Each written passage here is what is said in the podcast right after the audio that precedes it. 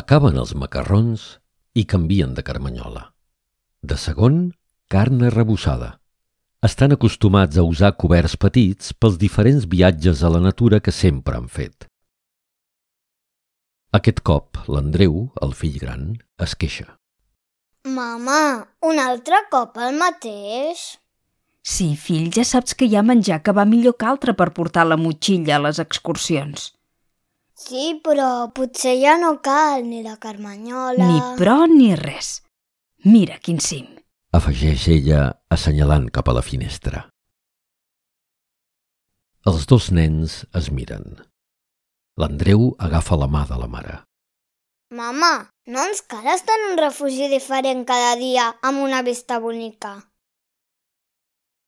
S'acosta a la finestra i treu el pòster que ella hi havia enganxat al matí. Encara que haguem anat als Alps amb el papa, a nosaltres ja ens està bé passar aquestes dues setmanes amb tu sense moure'ns a casa. Al moment, el petit replica el seu germà. A mi sí que m'agraden les fotos. Que en tens més, mama?